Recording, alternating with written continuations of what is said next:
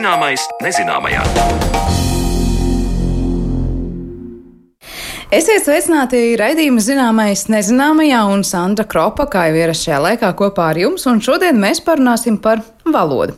Ik pa laikam medijos redzam ziņas, ka valsts neļauj bērnam reģistrēt tieši tādu vārdu vai uzvārdu, kādu ir vēlējušies viņa vecāki. Globalizācija un brīvā cilvēku kustība noteikti šo problēmu ir aktualizējusi, un sagaidāms, ka šādi gadījumi būs arvien biežāk. Kā un kāpēc personu vārdi jāatveido latviešu valodā, par to runāsim raidījuma otrajā daļā. Bet līdz tam vēl par kādu ļoti interesantu tematu, par ko interesēsies mana kolēģi Mārijona Baltkāne.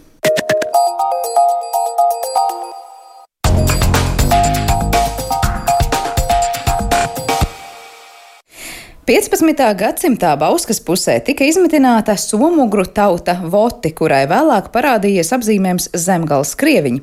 Tālaikajos gadsimtos krieviņu kultūra ietekmējusi arī zemgaļu dzīvi. Ņemot vērā šo faktu, būtu vērts izsvērt domu par zemgales krieviņu kultūru telpu Latvijā. Tā uzskata Dmitrijs Šķegoļovs, kurš pēta un aktualizē krieviņu jautājumu arī starptautisku pasākumu formā.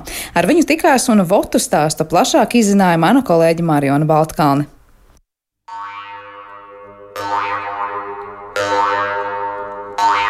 Meklējot savas saknes un saistību ar somugriem, sociologs un biedrības BM studio Zemgala pārstāvis Dmitrijs Čegoļevs pats sev atklājis jaunu pasauli - somugru tautu votus. Tā ir viena no senākajām tautām, kas šobrīd dzīvo Krievijā, ļoti lepojas ar savu identitāti un vēstures līkloči to savaduši kopā ar Latviju. Interesanti, ka voti, jeb tā dēvētie zemgales krieviņi, Latvijas teritorijā dažādos laikos it kā atklāti vairāk kārt, un katra nākamā reize ļāvusi labāk saprast, kas tad īsti krieviņi varētu būt. Par šiem atklājumu posmiem stāsta Dmitrijs Čeguļevs. Es vismaz vēsturē atradu četrus tādus pagriezienus, kad uh, Latvija, un uh, Livonija un Krievijas impērija, nu, visās tajās formācijās, kurās Latvija atradās, krieviņi tika atklāti no jauna, tā kā pārsteigums. Protams, uh, turpat ap Bausku cilvēki zināja, ka ir tādi krieviņi, un krieviņi paši zināja, kas viņi ir. Bet tā plaši, nu, runājot par informētību, tad Pirmais vilnis ir 1636. gads. Bija tāds Kurlandes superintendents Pauls Einhorns. Viņš teica, ka Bauskas apkārtnē dzīvo cilvēki, kas runā slikti latviešu, drīzāk igauniski, un vēl lielāka pagāna nekā latvieši. Nu, jā, tad uh, otrais tāds cēliens bija Krievijas geogrāfijas biedrība, vēl impērijas laikos. Viņi sāka uztraukties par to, ka Krievijas impērija ir daudz tautas, mazas kur valodas un kultūra izzūd. Un uh, bija tāds somu zviedru izcelsmes uh, valodnieks Andrēs Šegrens, kurš 1845, 7, 8 gadā viesojās Latvijā un Igaunijā un reiz meklētos tās mazās tautiņas. Tad secināja, ka ir kurzemes lībieši un vidzemes lībieši, un tas, kas ar to svētupi dzīvojuši. Un tad bija interesants tāds parādība, kuru sauc Krieviņi. Šegrens bija pirmais faktiski, kurš piefiksēja. Viņš atrada kaut kādus 11 vai 13 cilvēkus, kuriem bija izpratne par senču valodu. Tad secināja, ka krieviņi nav lībieši, nec igauni. Tas ir kaut kas cits. Un salīdzinot valodas, jau tika izteikts minējums, ka tie ir votu pēcteči, nu, pēc leksikas. Nu, jā, un tad trešais vilnis bija 1931. gads, 30. gadi pirms kara, Eugēnika. No vienas puses, uh, Mēs zinām, ar ko tas beidzās, bet no otras puses tika iegūts ļoti kolosāls antropoloģisks materiāls. Tāpēc, ka bija liela cilvēku daudzuma apsekoti un varēja secināt, nu jau no fiziskas antropoloģijas puses. Un ap Bausku atrada ļoti lielu procentu atšķirīgu no baltu tipu cilvēku, un pēc salīdzinājumiem ar citiem antropoloģiskiem tipiem, trešā daļa vismaz bija ar izteiktu nu, to somūru galu tipu uzbūvi. Un tāds ceturtais vilnis, tad, kad 13. gadā biedrības zemgales mantojums atjaunoja Krieviņu tērpu. 2013. gadā. Jā, jā, mm. jā. Un pēc tam bija dziesmu svētki, un tajos dziesmu svētkos, kad bija skate tērpu, un arī šis tērps starp nu, visiem latviešu notērpiem tika prezentēts. Nemazāk svarīgs un interesants stāsts ir par to, kā voti nonākuši Latvijā un kāpēc tos galu galā dēvē par krieviņiem. Šajā sakarā ir būtiski paturēt prātā, ka Latvijas teritorijai pāri gājusi intensīva kara darbība un arī mēra uzliesmojumi bijuši vairāki.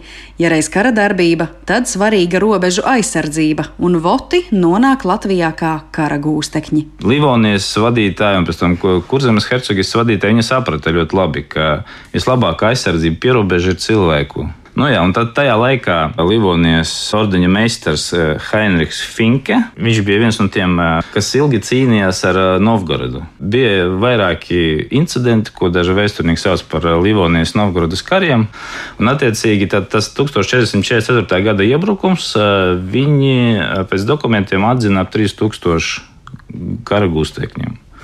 Viņi tika paņemti, varbūt tā var parādīt Šeit ir. Eh, te ir Igaunija, jā, Narva. Te jā. ir Narva. Un uh, pašlaik voti dzīvo šeit, uh, Dienvidu voti, un šī, šī daļa. Nu, nu, tā, ir gradas apgabals. Jā, jā, jā no nu, tās daļas arī tika tie gustekņi paņemti. Daļa bija imitināta uh, tukšās mājās, kas palikuši pēc uh, mēra izmirušiem uh, vietējiem iedzīvotājiem. Droši vien tie bija zemgaļu palieks, nu, latvieši mūs, mūsdienu izpratnē. Un viņi tika izmantoti Bauskas pils celšanā. Voti paši par sevi ļoti skaisti. Zinātniskā literatūra minēts, ka Voti ir visgaišākā tauta pasaulē. Nu, respektīvi, līdz 80% vīriešu un 75% sieviešiem bija balti mati, nu, tāds baltiešu tips, zilas acis. Tad sanāk, ka zemgāles krieviņi tas ir vienkārši vēlāk dots nosaukums votiem, kas tiek uh, Jā. iemitināti, bet man ļoti patīk šis te deminutīvā lietotais apzīmējums krieviņi. Nu, ir divi varianti. Viens variants ir, uh, ka tas nāk no vācu ruša, nu, kas tā kā pēc tam tika pārtulkots uh, latviski kā krievs, nu, un krieviņš attiecīgi. Vai nu vienkārši visi, kas nāca no Krievijas puses, tika saukti par krieviem, nu, krieviņiem. Nav svarīgi, ja viņi nerunā latviešu vai kaut kādā saprotamā dialektā, tad nu, gan jau. Droši vien, ka cilvēki tajā laikā arī īpaši nemēģina iedziļināties sīkumos, krievs, krievs. Lai gan voti bijuši ienācēji, to dzīvesveids un tradīcijas miedarbojās ar zemgaļu kultūru, un Dmitrijs Čegoļevs turpina par tām liecībām, kas pierāda baltiešu un somogru kultūru saskares punktus. Faktiski tiešā veidā mēs varam atrast eh, tādas trīs eh, izteiktas liecības. Pirmais, somogriem bija ļoti raksturīgas tādas krēles lielām bumbiņām. Ja? Šāda tipa krēsls ir sastopams tikai Bauskas apvidū, kas tika pārņemtas. Nu, kāda noteikta materiāla? Nu, sudrabs, protams. Sudrab. Tā tas bija. Un, eh, ja mēs skatāmies no valodniecības puses, eh, ir vairāki pētījumi taisīti par vispār somugru eh, leksiku latviešu valodā. Ar to mēs principā arī atšķiramies no lēšiem, ka latviešu valoda ļoti daudz aizguvusi no somugru fonētikas ziņā. Un tas, kas atšķirās tieši tā mūsu teritorija, kur krieviņi ir dzīvojuši, ir divi vārdi, kas nav sastopami pārējā Latvijas teritorijā. Un ir uh, sastopami tikai votu un ižoru valodās. Viens ir sapans, sapans tas, tas galas sega, un viņai reiz arī fiziski raksturīga tikai votiem un ižarām. Un vēl viens tāds vārds, e, vārds salikums, jā, jā, iet kacībās. Viņu vairs neizmanto, bet viņš piefiksēts kā vārds, nu, kas kādreiz tika izmantots, un tas arī somugru uh, sakni viņam, tad, kad piedzima bērns, pēc, nu, pēc mēneša sievas gāja raudzībās. Un tās raudzības ir kacības. Jā, jā. Un trešais, cik šo krieviņu bija daudz, tad 1751. gadā parādās tāds uh, nosaukums kā krieviša vaki, tā kā krieviņu pagasts. Ap Bausku bija krieviņu pagasts oficiāli, kas saucās, un vācu dokumentos tas arī minēts. Man liekas, ka šis arī tas e, gadījums, e, kad, e, ja mēs paskatāmies statistiski, ka viņi kļuva par pamatu jauno zemgaļu identitātei, tad ļoti iespējams, ka varētu padomāt arī par iemužināšanu. Par šo kultūru nu, vēsturisko telpu. Jā, jā, jā, mm. jā kā mhm. tādu. Un e, šī telpa nav tikai Latvijā aprobežota, bet viņa nāk arī uz Lietuvas pusi. Un to apliecina gan Latvijā, gan Lietuvā sastopami personu uzvārdi. Latvijā ir diezgan daudz cilvēku ar uzvārdu Krieviņš, un ne tikai Bauskas pusē. Arī dzējas dižgara Raiņa uzvārds Pliekšāns saistīts ar votiem. Ulmans, Kārlis, nu visi ulmaņi arī viņam pa mācību līniju bija Krieviņi. Skulmes, Džemas Kulme, Villeruši, Spekes. Lietuvā arī dzīvo vairākas tās, nu, pēc uzvārdiem var saprast, teiksim, Tomiņi. Kugrēnis, starp citu, arī. Sarunas laikā iepazīstos ar Dmitrija līdzpaņemtu literatūru veltītu votu jautājumiem, tāpat šķirstu krāsojamo grāmatu bērniem votu valodā, kurā tad uzdevums izkrāsot gan koporijas cietoksni votu vēsturiskajā zemē, gan votu karogu. Tas ir baltā un jūras zilā krāsā, bet uz balta fona it kā sarkans krusts, kas tomēr nav krusts, bet gan simbols ugunspuķes ziedam. Nu, jā, reku tas koporija pils, tā kā aptuveni var pie paskatās, tad mm -hmm. kaut mhm. kāda līdzība ar Bauskas pili var atrast. Jā. Var, var, jā. Un uh, ugunspuķis Ivančai, uh, viņš viņam tā kā ir tas uh, nacionālais simbols, un šis tas karoks, kas arī nu, tiek uh, pašlaik izmantots uh, pasaulē kā votu. Un tad to ugunspuķu stēju sauc Krievijā un principā visā pasaulē par koporijas stēju, tāpēc, ka nāk no koporija no tās puses Un turpat uh, padomju laikos bija speciāls institūts, kas pētīja šīs ugunspuķis visādas, nu, mēģināja uztaisīt eliksīru tādu. Viņš ļoti tonizējuši pats par sevi. Ir. Priekšstatu par krieviņu tautas tērpu un Dmitrija pieminēto galvas segu jeb sapanu vislabāk gūstam no Augusta Georga Vilhelma Pecolda 1846. gada akvareļa. Tas redzams arī uz vāka Ginas Viegliņas vallietes grāmatai par votu pēdām zemgalē. Tajā pašā laikā krāsojumā grāmatā redzama meitene Votu tautas tērpā, un tas nepavisam nelīdzinās tērpam Pecolda akvarelī. Votiem, tāpat kā latviešiem, ļoti iespējams ir dažādas tautas tērpu versijas, un ļoti iespējams, ka Votu tautas tērpā bijusi ietekme arī no citas somugru tautas - Votiem tuvajiem Ižoriem. Tā,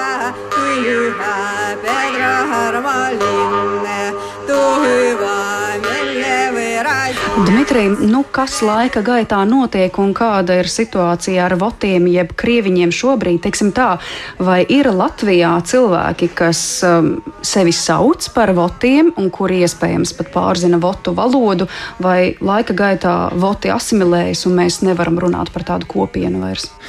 Kad uh, kaut kāda tauta pazaudē savu valodu, tad tu principā asimilējies. Viņu ir daudz, nu tā pestiķu ir daudz, bet neviens nav to atkal savilcis kopā, nu, kā to izdarījuši vidzemes lībieši. Un tagad mēs zinām, ka jā, viņi ir, viņi joprojām pastāv. Un uh, vēl 1897. gada Krievijas impērijas skaitļošanā Bauskas apgabalā 32 krieviņi ir fiksēti.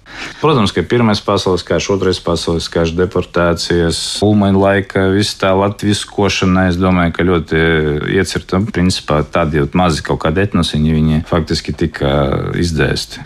Nu, uz to tautas skaitīšanu cilvēki zināja, ka viņi ir krieviņi, bet viņi vairs neprata runāt krieviņu valodā. Savukārt, Votu izcelsmes vietā Leņņģeradas apgabalā pēc visiem 20. gadsimta satricinājumiem Votu valoda pat tikusi izsvītrota pasvītrota no valodu reģistra, domājot, ka tāda tauta vairs nepastāv.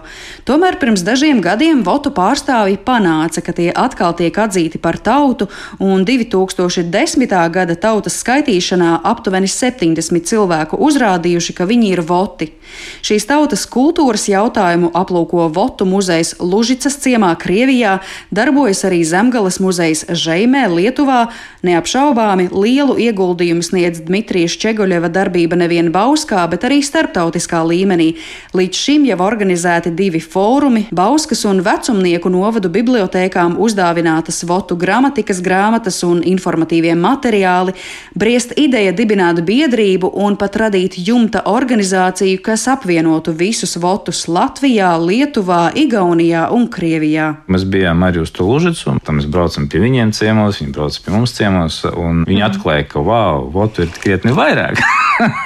un tas, ko viņi stāstīja, ka viņu ir daudz, un ar katru gadu ar vien vairāk cilvēki atcerās, ka viņi tomēr ir voti. Es domāju, ka nākamā skaitīšana parādīs lielāku skaitu. Mm. Turpinām strādāt pie fóruma. Un tas notiks kad? Novembra sākumā. Top mājaslapa, kurai jāparādās uh, oktobra beigās. Un es ļoti ceru, ka mums arī sanāks šogad izdot uh, nu, tādu varbūt brošūru vismaz uh, latviešu, lietuviešu valodā par krieviņiem, krieviņu gai, nu, respektīvi Latvijas Lietuvas pierobežā. Somugru tautas votu ceļu uz Latviju, to kultūru un situāciju mūsdienās skaidroja sociologs biedrības BM studio Zemgale pārstāvis Dmitrijs Čeguļovs, ar kuru sarunājās Mariona Baltkalni. Par to, kā latviešu valodā būtu jāatveido personu vārdi, izrādās diskutē ne tikai pēdējās desmitgadēs, bet jau aptuveni 150 gadus. Viedokļi un pamatojumi ir dažādi, bet kāpēc tad latviešu valodā nevienu vienu uzvārdu rakstām ne tā kā citās zemēs? Šodien parunāsim atlikušajā redzījumā raidījuma sadaļā, kad uz sarunu esam aicinājuši Ventspils augstskolas mācību prorektoru un lektoru Aigu Vērtskalnu. Labdien! Labdien! Es saprotu, ka ne tikai disertācijas mums te ir jau vairāk kā simt gadu Latvijā par šo tematu, bet arī disertācija top, un tas ir tas, ko jūs šobrīd pētat, tieši personu vārdu atveidojumu latviešu valodā. Kas ir tas jūsu pamatojums, kāpēc to pētīt un kādi ir tie galvenie jautājumu loki? Jā, tieši tā mans promocijas darbs, jeb manā gadījumā disertācija, tiešām top par personu vārdu un arī vietvārdu, patiesībā par īpašvārdu atveidi. Mani konkrēti interesē tieši rietumslāvu valodas, tā ir čehu, slovāku un poļu. Un šī interese radās pašai tulkojot no čehu un slovāku valodas un bieži vien saskaroties ar ļoti daudziem īpašvārdiem. Un um, ar laiku saprotot, ka disertācijas par šo tēmu vēl nav, es, protams, aplūkoju visu šo parādību kopumā, gan vēsturiski, gan metodoloģiski. Proti, kas tad latviešu valodā notiek ar īpašvārdu atveidi un kāpēc. Kas ir tās galvenās lietas, kas notiek? Jo mēs parasti dzirdam tādas, nu, tā sāsināts, ja var teikt, diskusijas par to, kā viens saka, man ir pārkāptas manas tiesības, es gribu, lai uzvārdu raksta tā, kā tas ir oriģināla valodā, citā valodā, kāpēc man jālatvisko, ko tas, tas rakstības stils. Citi savukārt saka, nē, latviešu valodā tāda ir kārtība un tāda ir valodas uzbūve, mums tā ir jādara. Vai var teikt vienkāršot, tās ir tās divas galvenās lietas, par kurām ir tas strīdus? Tieši tā, ļoti precīzi pateikts. Un to var saprast, jo te ir saskārušās tādas divas jomas. Viena ļoti sensitīva - mūsu vārds mums ir ļoti svarīgs. Mēs ļoti asi reaģējam, ka to nepareizi izrunā, ka to nepareizi pieraksta, kur nu vēl tādā institucionālā līmenī. Un otrs ir valoda, valodas attīstība, valodas sistēma. Un šeit saskars tāds tā kā privātais ar tādu objektīvu jautājumu. Un tāpēc arī nav brīnums, ka tās diskusijas ir tik, tik karstas. Bet vienlaikus jāsaka, ka atbildot uz jautājumu, kas tad latviešu valodā notiek, tas vienkāršais atbildi mēs atveidojam pēc tā, kā izrunā oriģināla valoda. Lai atvieglotu cilvēkam dzīvi, viņam būtu vieglāk lasīt, runāt, un otrs arī tāpēc, ka mūsu latviešu valoda ir tāda īpatnēja. Mēs, mums ir locījumi, mūsu valoda mainās, mums ir dažādi savi alfabēta burti un tā tālāk. Savukārt citās valodās, kur neatveido, un tādu valodu, protams, ir daudz, tur rodas cita problēma. Tur jau cilvēku uzrakst, redzot šo burtu kopu, nezina, kā to izrunāt. Ar angļu valodu mēs tiekam galā, bet kā ar citām valodām? Bet no vienas puses, tur atkal ir, jūs teicāt, atvieglot dzīvi tiem cilvēkiem. No otras puses, iedomājieties, nu tagad cilvēks ceļo. Un um, viņš ir uzrakstīts, var teikt, nu, tā kā latviešu valodā raksta šo uzvārdu, bet ne tuvu, ne tā kā, tā kā tas būtu jāraksta citur. Protams, nav tā sajūta, ka iespējams viņam pateiks, jūs neesat vispār šī cilvēka, šī, šī persona, nu, kad, kad līdzīgi kā zinu, cilvēku, nu, Viktorijas, jā, kurām ir eh, pasē rakstīts Viktorija ar K, bet eh, kāds dokuments ir ārzemēs izsniegts ar Viktoriju ar C, un tad lidostā cilvēkam saka, jūs neesat vai šī bērna māte vai, vai, vai cita persona. Vai kas līdzīgs var notikt ar šiem cilvēkiem, kur uzvārdus dažādās valstīs raksta atšķirīgi? Var notikt, un patiesībā jau notiek, un vairāki gadījumi ir arī ne tikai nonākuši plašsaziņas līdzekļos, bet arī nonākuši, piemēram, tiesas instancēs un tā tālāk. Protams, tas var apgrūtināt dzīvi, jo īpaši mūsdienās, kur cilvēki vairs nedzīvo noslēgti vienas valsts teritorijā. Viņi sazinās, viņi ceļo, viņi dibina attiecības, dibina ģimenes, viņiem dzimst bērni, un tas ir absolūti normāli. Un nesen droši vien arī klausītāji lasīja stāstu par to, kā, kā vienā franču ģimenē vai nebija jautājums par, šo, par bērnu uzvārdu, kur māte gribēja saglabāt uzvārdu Merle lai visiem būtu, un, un, un Latvijā bija iebildumi par to, ka tas neatbildīs latviešu valodas sistēmai. Tas, diemžēl, ietekmē ģimenes, un es pilnībā saprotu tos cilvēkus, kurus tas ir skāris.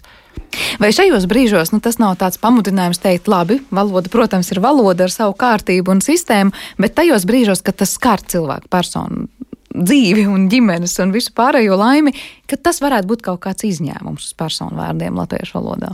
Un tad, protams, mums jāskatās, kāda veida izņēmumi tie varētu būt un kā tie ietekmēs vai neietekmēs valodas sistēmu. Lai nav tā, ka mums rodas precedents, viens izņēmums, otrs izņēmums, un pēc kāda laika mēs attopamies, viss mums ir viss palaists pašplūsmā. Kas būtu tie piemēri, nu, kas var notikt, ja piemēram tagad pēkšņi cilvēku vārdi, kas citās valodās ir rakstāmi, pavisam atšķirīgi no tā, kā tas ir ierasts latviešu valodā, redzēt, eh, saglabāt to savu rakstību. Te man būs divas atbildes, divas daļas. Un tā pirmā, man gribētos minēt Lietuvas piemēru vispirms. Un, jo Lietuvā diskusija par šo jautājumu notiek patiesībā daudz aktīvāk nekā Latvijā. Un tur ir liela daļa liberālo valodnieku iestājušies pret to, ka vajadzētu atļaut oriģinālu rakstību. Un nesaistītos tekstos tas jau ir atļauts, piemēram, uz grāmatu vāka vai pasākumu no, nosaukumā. Ne teikumā, nesaistītā tekstā, bet tieši nesaistītā tekstā. Un viens no precedentiem, kas Lietuvā tika atļauts, bija proti atļaut poļu izcelsmes iedzīvotāju poļu alfabētu burtu lietojumu viņu dokumentos. Tas, protams, ir saistīts ar vēsturisko fonu. To nevar noliegt, un tā bija milzīga poļu kopienas ietekme un, un patiesībā cīņa par to. Tā kā mēs varam skatīties, kā citas valstis, kas to dara, līdzīgi kā mēs, ir darījuši. Tas ir viens variants. Iespēja. Otra man atbilde ir tomēr drīzāk aicināt iedzīvotājus, kurus tas ir skāris. Pagaidām, kamēr valodā vēl nav šāda regulējuma, meklēt tomēr iespējas, kā atrast tomēr risinājumu pašiem bez valodas sistēmas maiņas. Ko tas nozīmē? Es zinu, ka piemēram daudzi dodas. Protams, tas ir jautājums, vai to, var, vai to, to iespējams izdarīt 2020. gadā. Daudzi dodas, piemēram, reģistrēt bērnu tajā valstī, kur ir, piemēram, reģistrēts tēvs, kur tēvs ir pilsonis. Lai bērnam tiktu piešķirts tieši tāds pats uzvārds, tādā pašā rakstībā, tās valsts dokumentos. Pēc tam atbraucot šeit, visi dokumenti tad ģimenei būtu vienādi. Manā gadījumā zina itāliešu ģimene, kur, kur plāno darīt līdzīgi, jo tēvam jau Latvijā ir ID karte. Ir citi risinājumi. Var pasē joprojām norādīt, piemēram, iekavās oriģināla rakstība. Tas nav aizliegts, tas ir atļauts. Un tur to var vienmēr pamatot. Iespējams, var sagatavot kaut kādas izziņas Ja, es ticu, ka ir risinājumi, ko varbūt tad, kad ir norimis tas pirmais, varbūt tāds aizvainojums vai emocijas, es uzskatu, ka risinājumu var atrast. Bet tas ir risinājums tam posmam, ka Latvijā, piemēram, atsakās reģistrēt konkrēto tādā rakstībā uzvārdu. Bet kas notiek, ja, piemēram, tas bērns ir reģistrēts tagad valstī, kur uzvārds ir tādā oriģinālā rakstībā, kā, kā runā? Atbraucot uz šejienu, uzvārds viņam būs tā, kā raksta citā valodā. Un tad viņam sāksies problēmas ar to, kāpēc man uzvārdu katrs izrunā nepareizi, vai pēc savas izpratnes izrunā, vai, vai kas notiks. Vai viņu vienkārši sāks uzrakstīt latviešu fonētikai balstoties. Jā, viņu izruna, viņa rakstība būs tā, kā citā valodā izrunā. Proti, un te tā problēma būs, ka tas uzvārds vairs nebūs rakstīts tā kā citā valodā. Un tur ir tas lielākais. Tad, kad mūsu vārdu pasaka, nu, piemēram, ja es tagad sajauktu un netīšām jūsu vārdu, jūs droši vien man piedotu un tīri saziņā un nepievērstam lielu uzmanību. Bet, ja es, piemēram, turpinātu rakstīt jūsu vārdu visu laiku nepareizi, jums droši vien tas aizķertos.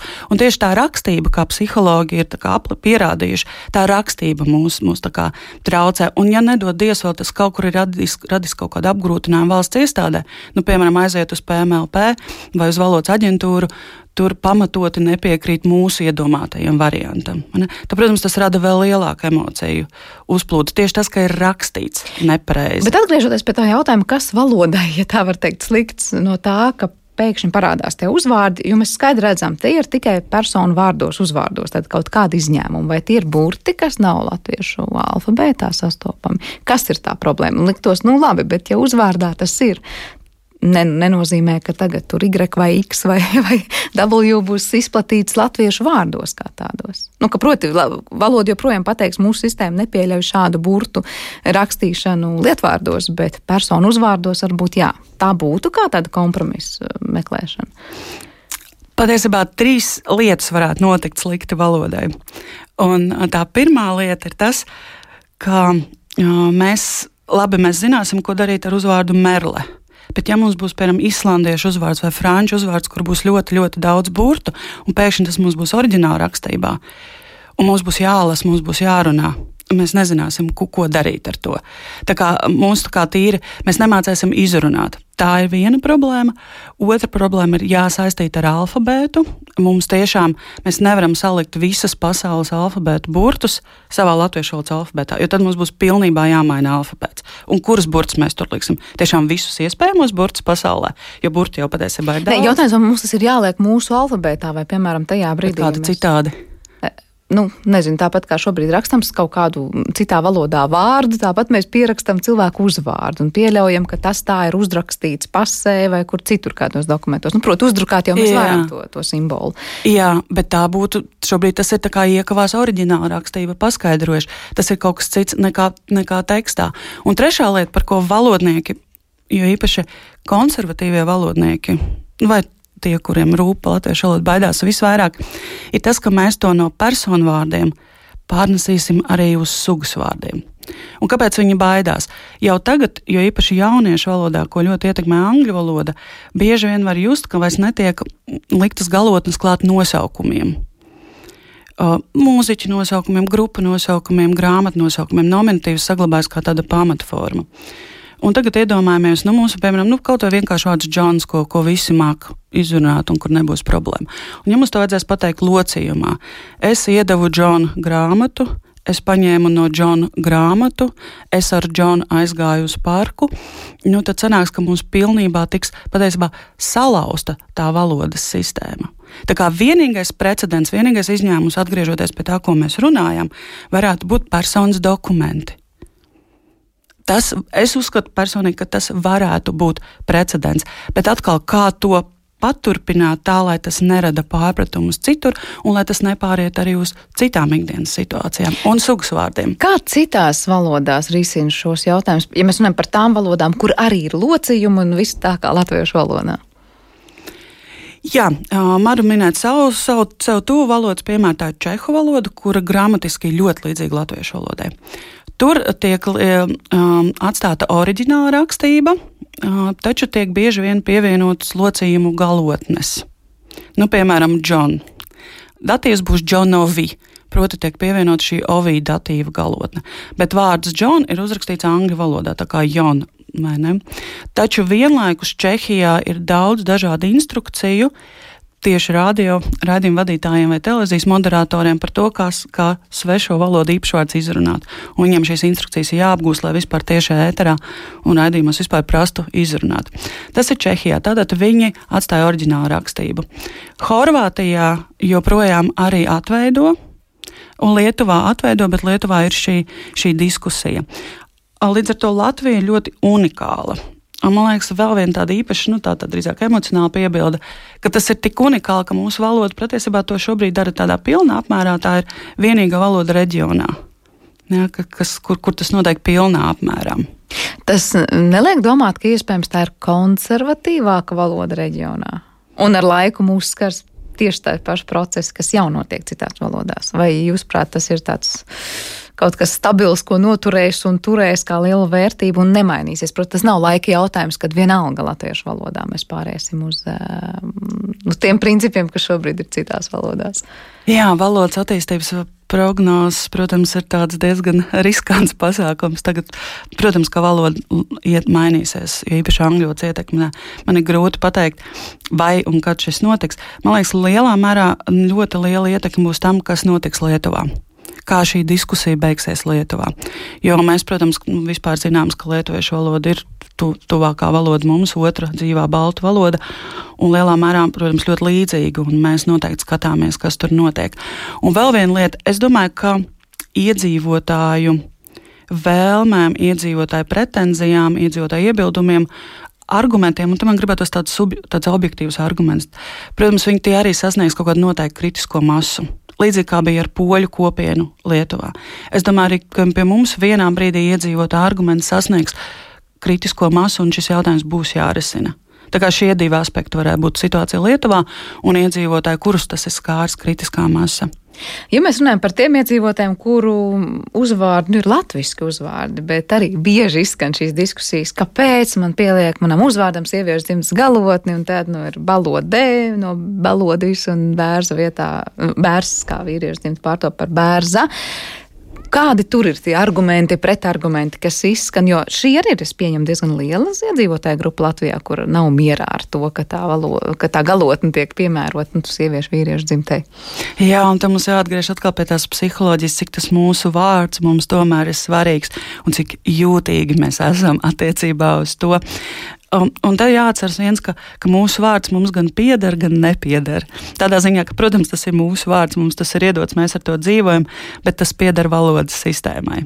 Un valodas sistēma latviešu valodā paredz, ka mums ir dzimtas, attiecīgi mums ir dzimtas galotnes, un tā tālāk mums ir locījumi, un tā tālāk. Līdz ar to mēs tajā brīdī šo balodi vai šo alksni, vai gailis. Es atceros, lasīju internetu komentārā. Mēs vairs neuztveram nu, kā tieši kā šo, šo dzīvnieku konkrēti, kurš var būt tikai formā gailis.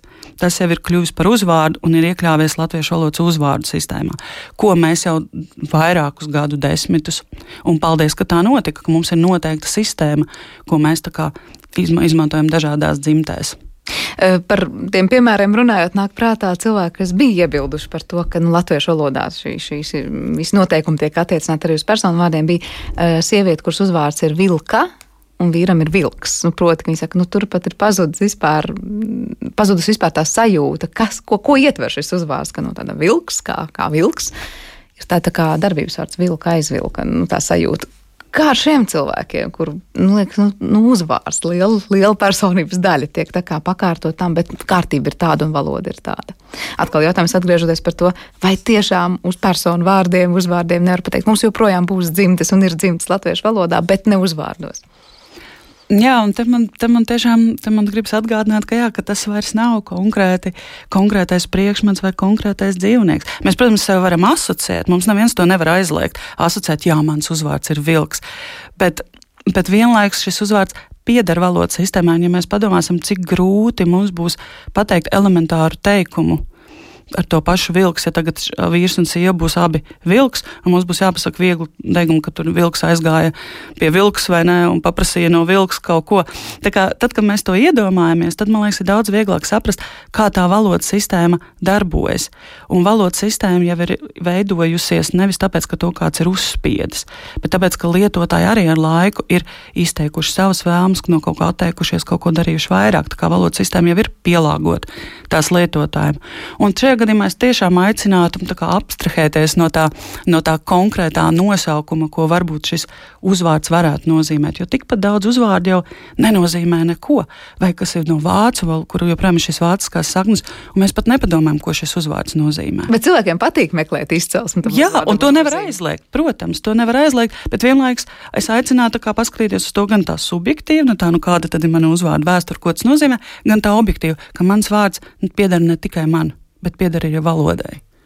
Cik mums Latvijā ir daudz vispār procentuāli cilvēku, kurus skar visi šie jautājumi, par kuriem mēs runājam, kuru tiešām uzvārdi ir šajās galotnēs mainām, un kur par to iebilst, un tiešām ir neapmierināti ar to, un kuri savukārt sastopas ar šiem citu valodu uzvārdiem, kas tiek atveidot, nu, tad viņi prāt pilnīgi neadekvāti un neprecīzi. Jā, ļoti labs jautājums. Man noteikti nav šādu pētījumu datu, es domāju, tas varētu būt tiešām labs, labs ierosinājums pētījumam, runājot par tiem latviskajiem uzvārdiem vilks un augsnes. Tas noteikti ir jautājums onomāstiem, proti tiem, kuri, kuri pēta īpašvārdus, un, un tur, ir, tur ir tiešām statistika par uzvārdu maiņu, uzvārdu reformām un tā tālāk. Bet kas attiecas uz šiem svešvalodu ietekmēm, jā, tas būtu labs pētījums, un vienlaikus man gribētos teikt, ka tādu paliek arvien vairāk. Un ar to ir jārēķinās, ka mēs no tā neizvairīsimies, ka šis jautājums būs arvien aktuālāks. Un es nedomāju, ka kaut kur šādi dati vispār šobrīd ir. Centrālā statistikas, statistikas pārvaldē, bet arī ne. Iespējams, PMLP varētu būt šādi dati, jo viņi latvisko šos uzvārdus izsniedzot dokumentus bet tas, protams, no, nozīmē tikai tos, kuri ir pieteikušies dokumentiem. Jā. Par to latviskošanu es domāju, nu kā, vai tas neuzliek lielu atbildību tagad uz tā cilvēku pleciem, kurš ņems latviskot un pierakstīt to, to citu valodas uzvārdu, proti, cik precīzi viņš saprot, ka tajā valodā tas skan tā un ne citādi. Jo cik cilvēki, cik dažkārt izruna dažādiem vārdiem tajā pašā angļu, franču valodā.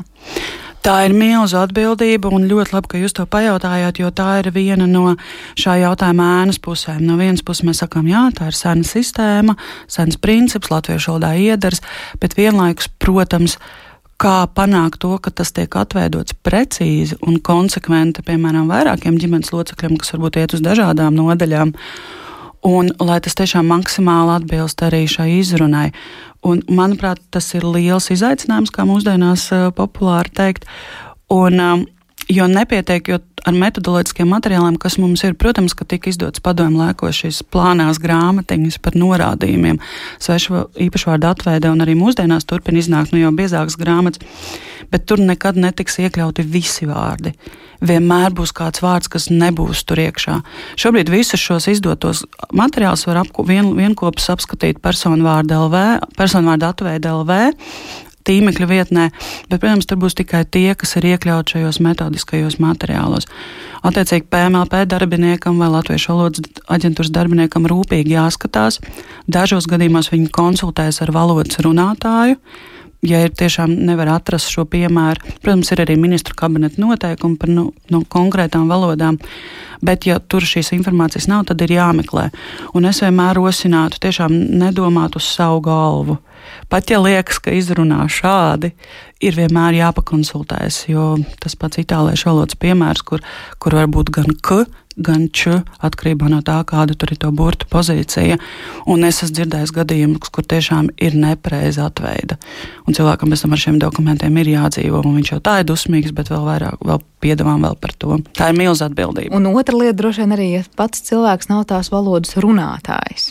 Nu, kaut vai tādas nu, mazas, mazas detaļas, eh, franču valodā izteikti, e uzrakstīts, kādā kombinācijā būs izteikts e, vienā tas būs izteikts e, tad jautājums vai nav tā, ka kāds, kurš latviski runā un domā, ah, nu tas franču valodā ir laikam tā, viņš vienkārši dzird, ka tur ir nevis e, bet e un pierakstīs to uzvārdu citādāk. Kā tikt, nu, kā būt pasargātam no tādām situācijām tam cilvēkam? Tas, ko es aicinātu darīt uh, cilvēkam, kuram jāiet ar šādu jautājumu uz PMLP, es noteikti aicinātu sākumā konsultēties ar Latviešu valodas aģentūras ekspertiem, kas strādā ar šo ikdienā. Un nepieciešams gadījumā, ja ir kaut kāds pirmā aizdomas vai pārdomas vai ieteikumi, konsultēties ar attiecīgās valodas runātāju. Un tikai tad doties ar dokumentiem uz attiecīgo nodaļu. Un, un būt gatavam, varbūt jā, aizstāvēt savu viedokli un varbūt kaut ko panākt panākt sev, sev vēlamāku rezultātu, jo tā tiešām ir milzīga atbildība. Un ikdienā strādājot ar tekstiem, es bieži vien sastopos ar daudziem personvārdiem, un nevienmēr es zinu, kā, kā, tos, kā tos atveidot. Tad nāk tālāk, protams, YouTube, kur var paklausīties, ja nu šāds personvārds tiek kaut kur atveidots. Jautājums, vai pareizi tur? Um, nu, protams, tas ir jautājums, bet arī var skatīties, kādā kontekstā tas ir atveidots. Daž, dažkārt, ja piemēram, tas ir pazīstams cilvēks, viņš varbūt kaut kur pats uzstājas un pats, pats savu vārdu pasakā, jo vārdu un uzvārdu jau arī atkārtojas pasaulē. Tie nav nu, unikāli, ka vienam cilvēkam. Bet tev vienkārši nebūtu vienkārši tajā brīdī, kad reģistrē šo uzvārdu, vismaz prasīt tam konkrētam cilvēkam, kā jūs izrunājat. Jā, protams, tas, ja tas ir iespējams, no, noteikti to darīt. Un es dažkārt savos latviešu valodas semināros arī tā aizstāvu eksperiments ar ārzemju stu, studentiem, kurus prasu, kā jūs izrunājat un kā jums ir pierakstīts, un tad, un tad mēs pē, pētam to, kā tas, kā tas ir noticis. Protams, ja tāda iespēja pastāv, noteikti. Kāda ir tie, noslēdzot mūsu sarunu, jūsu galvenie secinājumi jūsu disertācijā, kuras saprotu vēl tikai top, tad diskusijas jau vairāk kā 150 gadus Latvijā par to, kā atveidot un, un pēc kādiem principiem vadīties. Kas ir tie, tie, tie gala secinājumi, vismaz šobrīd, uz ko izskatās jūsu disertācija finišēs? Nu, manā rietumslāvu valodu izpēte uh, lielā mērā koncentrējas uz to, lai izpētītu, kas vispār šajā atveidē ir darīts pirms tam. Un es esmu secinājis, ka iepriekšējie norādījumi lielā mērā morāli novecojuši, jo tie bija ietekmēti no krievu valodas, kas, kas ir viena no populārākajām starpnieku valodām. Padomu laikos. Protams, latviešu valoda vienmēr tieši īpašvārdu jomā ir bijusi kādas valodas ietekmē, vai, ne, vai nu vācu vai, vai angļu. Un tas, ar ko es nodarbojos, es patiesībā pārskatu šo čehu, slovāku un, un poļu īpašvārdu atveidi dažādos avotos, un patiesībā veidoju jaunus, jaunus ieteikumus, kā vajadzētu atveidot, vienlaikus sastatot šīs trīs valodas kopā, kontrastā. Jo pirms tam tas netika darīts. Katrs no autoriem darbojās tikai ar savu valodu. Un tas, ko es esmu pamanījis, ka, ka krievlots ietekmē pazuduši, piemēram, pats kaņu garums kas, kas ir, protams, diezgan lo loģiski. Vai, ne? vai piemēram, mēs um, vienādu līdzīgu vārdu, piemēram, jēržīs poļu valodā, čehu valodā ir līdzīgs vārds jiržī. Un mēs to latviešu valodā visu laiku esam atveidojuši kā jiržī, kaut gan tepat poļu valodā ir jēržīs, tātad kur te mums tas īs arī ir pazudis. Tā kā saskatīt tādā sastatījumā, tā kā ļoti daudz tādas interesantas lietas, protams, nekonsekvence kur mēs vienu un to pašu skaņu kopu vienā vārdā atveidojam vienādi, otrā vārdā citādi. Tāpat ir interesanti vērot tradīciju, kas vispār ir raksturīga īpašu vārdiem. Vienu brīdi bija šī diskusija, ka tagad Īslanda mēs teiksim par Īslandi. Nīderlandi sauksim par Nēderlandi. Bet, protams, es uzskatu, ka tradīcijas ir jāsaglabā. Ja mēs tagad lauzīsim visas tradīcijas un sāksim teikt nevis Čikāga, bet Čikāgo un Mičigans vietā Mišigana, Prāgas vietā, teiksim, Praha, nu, tad, tad lietotājs būs pavisam apjūts. Tādēļ, tad, to, to sauc par tradīcijām. Tādēļ labi vien, ka atļauju šobrīd arī teikt to Islanda un nevajag teikt Īslanda. Tā kā tie ir tādi galvenie secinājumi par to, kas tad, kas tad tajās valodās notiek un kā latviešu valodā tas ir bijis. Jā, bet tās diskusijas visticamāk vēl būs gaidāmas, jo, kā jūs teicāt, interesanti vērot, ar ko šies, šīs visas diskusijas un, eh, un process noslēgsies Lietuvā. Liels paldies par šo sarunu Ventspils augstskolas mācību prorektoru un lektoru Aiga Vec Veckalns šodien pie mums viesojās raidījuma zināmais nezināmajā studijā. Ar to arī raidījums ir izskanējis un teikšu paldies par to producentei Sarmītei Kolātei, mūzikas redaktoram Girtam Bišam, skaņu režijā bija šajā stundā Reinas Būdze, bet ar jums kopā studijā Sandra Kropa.